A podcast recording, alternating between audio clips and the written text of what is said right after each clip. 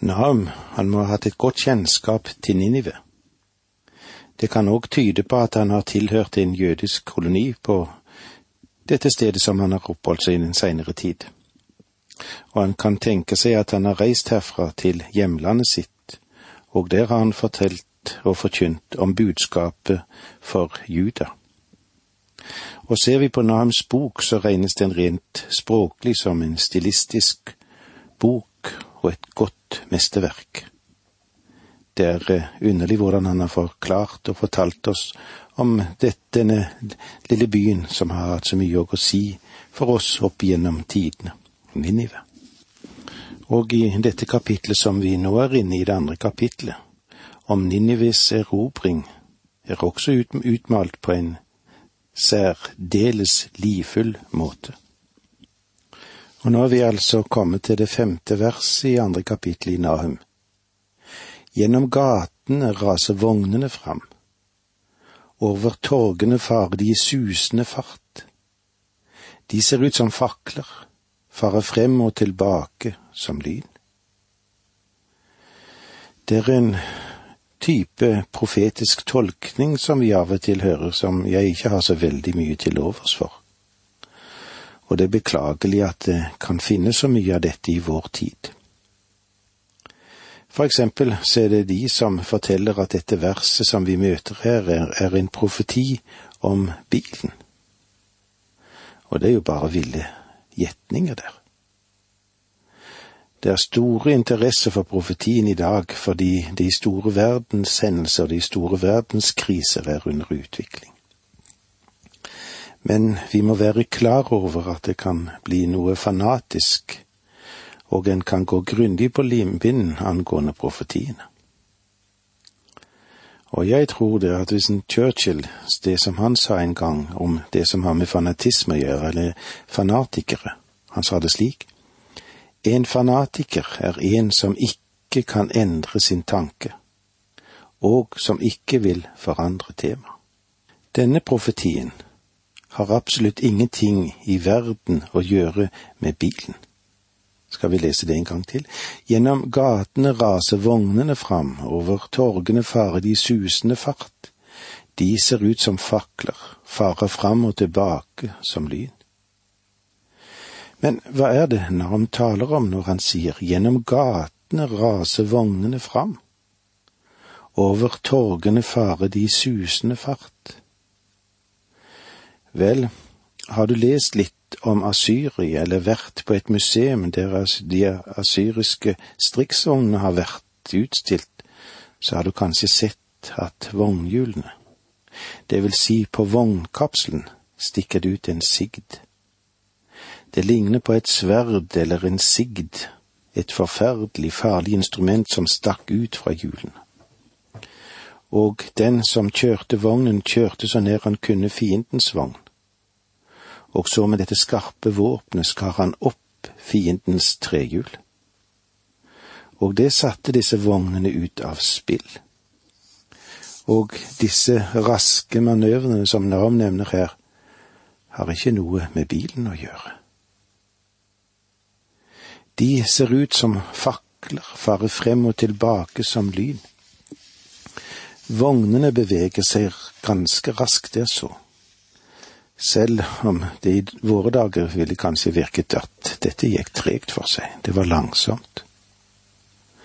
Asyrerne hadde utviklet krigskunsten gjennom angrep med striksvogner som ingen andre nasjoner hadde. Og fienden, ja, de prøvde å lære dette og det førte til forferdelige slag og raske skiftninger enn det han hadde hatt ved tidligere tider. Og så ble det mer blod som fløt omkring, og eh, det er det Nahum taler om her. Jeg tror at både du og jeg kan trekke moralske og åndelige erfaringer og prinsipper ut av det Gud har å si oss gjennom sitt ord men jeg tror ikke at du kan ta denne profetien og tolke den på en bokstavelig måte inn i vår tid. Ser du hvilken fantastisk bok Nahum er? Og her har vi ennå et prinsipp for det å tolke Guds ord, det vi har for oss nå. For eksempel når du leser i Jesaja. La oss ta det syttende kapittel og vers ti.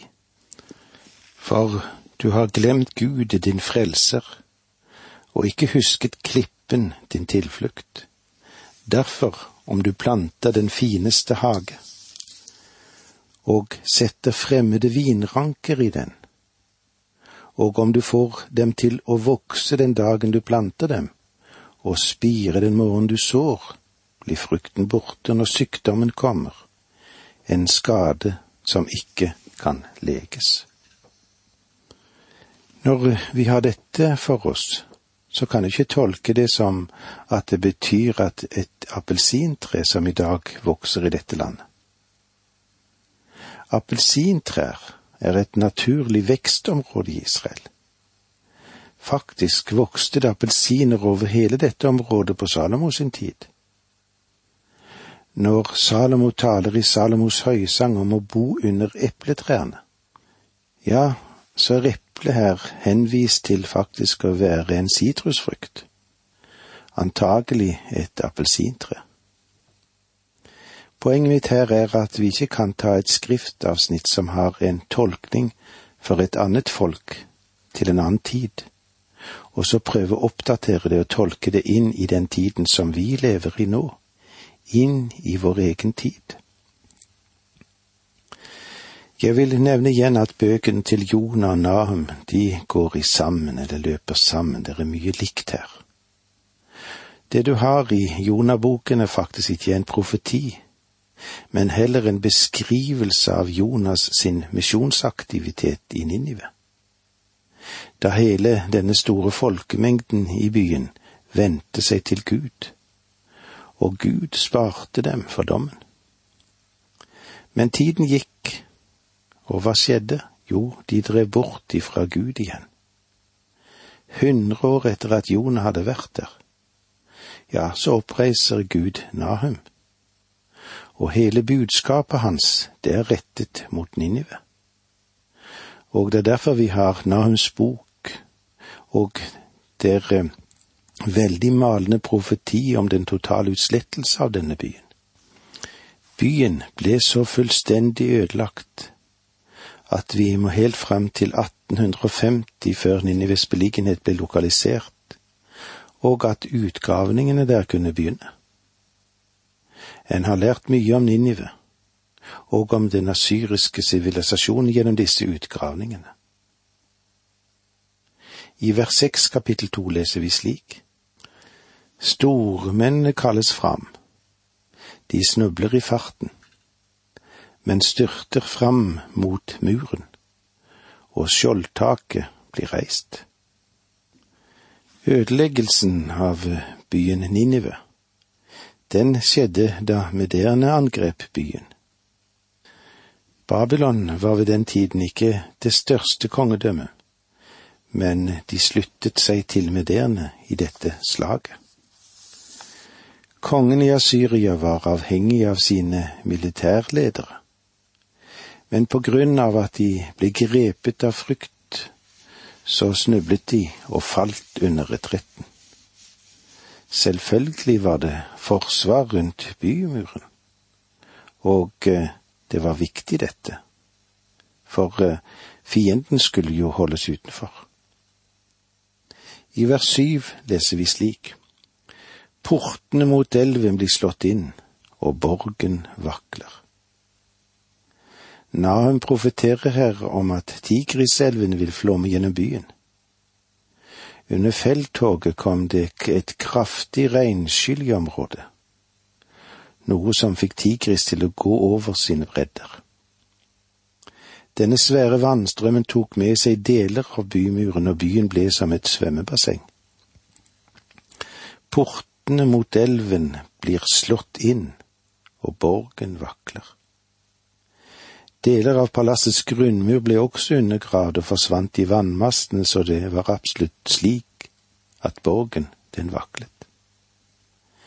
Det er en profan historie som forteller oss at deler av bymuren ble gravd ut. Cirka fire kilometer av bymuren i Nineve var vendt mot elvebredden ved Tigris. Byen var lagt høyt oppe over høyvannsmerket for elven, slik som det var under den normale vannføringen. Men gjennom dette uvanlige regnværet så steg elven høyere enn normalt og vasket ut mye av bymuren mot elven. Muren raste sammen og fienden var i stand til å angripe byen. Med andre ord så sørget flommene for dette, og den skapte en bresje i muren slik at eh, fienden lett kunne gå inn. Det ser ut som om Herren samarbeidet når det gjaldt ødeleggelse av denne byen. Damportene ble åpnet, og selv kongens palass strøk med under dette utrolige regnskyllet. Historien forteller videre at fienden åpnet irrigasjonsgrøftene, og palasset ble fullstendig oversvømmet. Vi vil komme inn på dette videre når vi møtes igjen neste gang, men det var så langt vi kom i dag. Takk for nå, må Gud være med deg. Dette undervisningsprogrammet består av to deler. Åge Nevland fortsetter nå med andre del av dagens undervisning. Vi er i profeten Nahum, Nahum som forteller oss om hvordan det vil gå med Ninive, om den fullstendige og endelige ødeleggelse Nabofolkene her, de var blitt plyndret, og nå står altså dommen for døren. Om kort tid så skulle profetiens ord gå i oppfyllelse. Den byen som var helt igjennom full av løgn og vold. Den store byen ble jevnet med jorden. Det er noe av dette vi vil komme inn på når vi går videre inn i det åttende verset i kapittel to her i Nahum. De stiller henne fram, kler av henne og fører henne bort. Hennes piker drives av sted. De klager som duer og slår seg for brystet. I en annen oversettelse, den gamle oversettelsen, åpner her med min introduksjon, og der står det, og det står fast. Profeten slår fast at dette er ikke noe en kan flykte fra. Ninive, hva med den? Jo, i dette verset så blir Ninive fremstilt som en kvinne, eller som en dronning. Og de som utgjør innbyggerne, er pikene som drives av sted. Bildet som brukes mot slutten av dette verset og slår seg for brystet, det er ganske interessant, for det er snakk om lyden som høres når fuglevinger slår mot hverandre. Når duene er under oppstigning, slår de kraftig med vingen, og det blir som et lite smell hver gang vi hører vingeslagene slå. De gjør alt de kan for å komme bort, men det lykkes ikke. De stiller henne fram, kler av henne og fører henne bort. Hennes piker drives av sted. De klager som duer og slår seg for brystet. I det niende verset. Ninive ligner en dam som vannet renner ut av. De roper stans nå, stans, men ingen vender tilbake. Ninive ligner en dam som vannet renner ut av. Flodbølgen hadde slått inn over byen, og den ble som en innsjø. Stans nå, stans, men ingen vender tilbake. Det ble gitt ordre til at de skulle holde stand mot fienden. Men da de så flodbølgen komme inn sammen med fiendeherren, da fant de ut at nå var ikke tiden til å lyde de militære lederne, men vende om og fly bort så snart og hurtig som de bare kunne og det som var mulig å komme bort ifra dette. I vers ti leser vi slik. Røv sølv, røv gull. Her er rikdom uten ende, en overflod av all slags dyre ting. Røv sølv, røv gull. Fienden blir bedt om å ta med seg de skatter som finnes i denne enormt rike byen. Her er rikdom uten ende, en overflod av alle slags dyre ting. Ninive, Det var en velstående by, det. Det var en vakker by, og den var vakkert utsmykket. Kongens palass var vakkert, og folket? Ja, folket levde i luksus på grunn av den suksess de hadde hatt med å føre forskjellige kriger. Asyrerne, de hadde tatt med seg hærfang fra alle de store nasjonene som var på den tiden. Selv sydrike Juda betalte skatt til dem på denne tiden. Så det medfører nok riktighet at Ninive, den var en svært så velstående by. Vers 11 Tomt og øde og plyndret. Redde hjerter og vaklende knær. Alle skjelver i hoftene. Hvert ansikt er blussende rødt. Tomt, øde og plyndret. Asyria hadde med seg hærfang fra alle deler av verden og plasserte dette i Ninive. Men nå, ja, nå er det deres fiender som kommer og tar med seg alt det de har samlet. Redde hjerter og vaklende knær. Dette uttrykker angst og stor redsel. Dette brutale folket som aldri var redd for noen, skjelver nå som en olding. Dette var en helt ny situasjon for asyrerne. Alle skjelver i hoftene, hvert ansikt er blussende rødt. Dette var en tid med oppgjør og angst for asyrene, og de visste at de var hatet av verden på den tid. Alle nabofolkene hatet dem på grunn av deres brutalitet. Nå hadde hevnen nådd dem. De blussende, røde ansiktene er et uttrykk for feber knyttet til panikk. Vers 12 og 13 Hvor er løvenes bolig, ungløvenes hule? Hvor løven og løvinnen vandret, og ingen skremte løveungen? Løven røvet det ungene trengte. Den drepte for løvinnen. Fylte sine hi med bytte og sine huler med rov. Enten når dette bokstavelig talt var løver, eller den asyriske armé, så hadde de en gang vært velfødde. Men tiden, hva med den nå? Nå var den over, nå var det slutt. De har ikke lenger noe å ete, for alt dette var tatt fra dem. Det var tatt av fienden. I vers 14 leser vi slik. Se, jeg skal komme over deg, lyder ordet fra Herren allers Gud. Jeg lar dine vogner gå opp i røk, dine ungløver skal dø for sverd, og ditt bytte vil jeg utrydde fra jorden. Dine sendebuds røst skal aldri mer høres.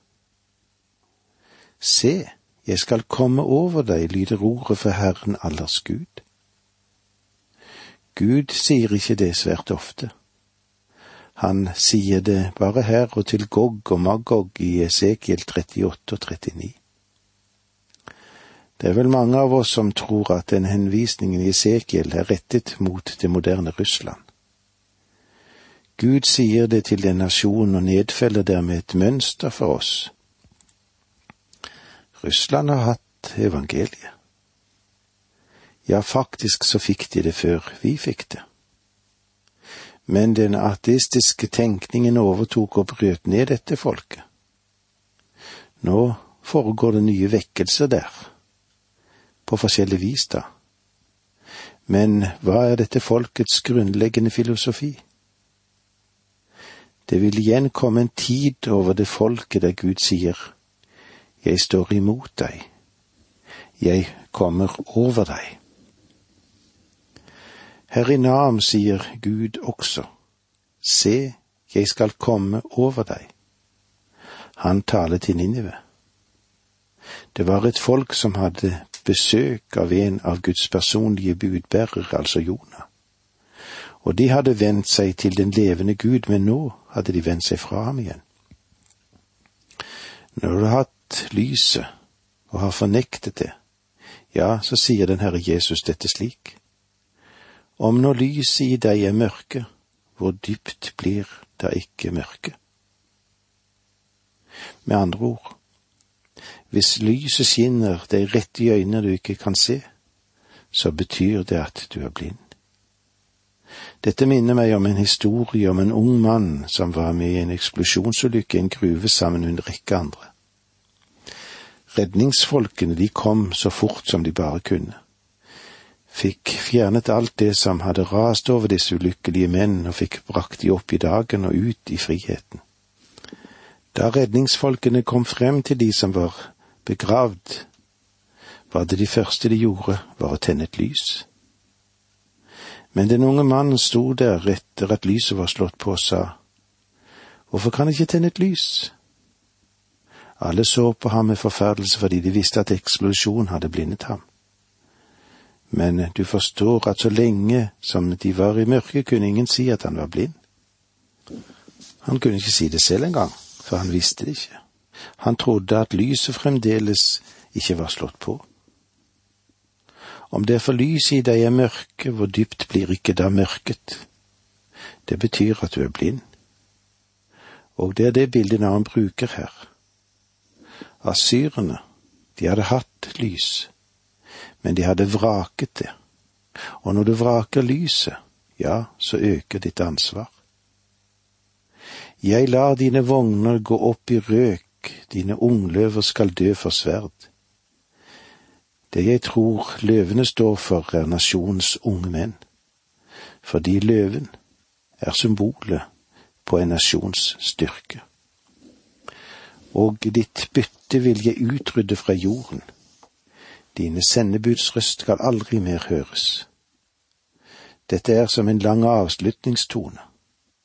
Hundre år tidligere hadde Gud i nåde frelst Ninive, da folk gjorde bot og vendte seg til ham, men tiden hadde gått og de hadde sunket tilbake i sitt frafall og i sin fornektelse. Og Gud, hva gjør han? Jo, han konfronterer dem nå med konsekvensen av dette, og han sier til dem, Jeg står imot deg, jeg kommer til å bøye deg, jeg vil utslette deg, og du skal aldri fremstå igjen som et folk. Dette bør være et budskap til dem som i dag fullstendig har vendt seg bort ifra Gud. Da står egentlig bare dommen tilbake. Og med disse ordene må vi si takk for nå, må Gud være med deg.